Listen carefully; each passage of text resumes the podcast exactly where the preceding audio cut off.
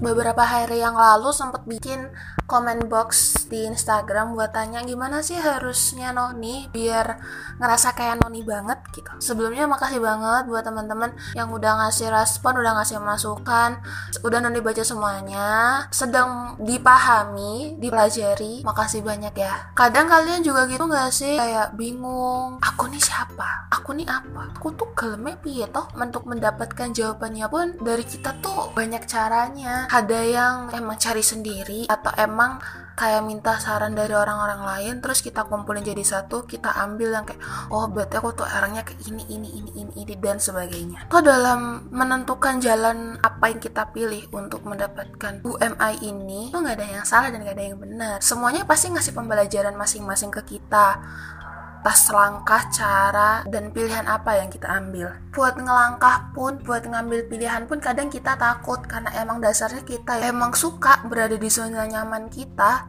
manusiawi kok. Cuma kadang kita suka lupa kalau kita udah keenakan, kalau udah nyaman, jadinya nggak mau ke mana-mana.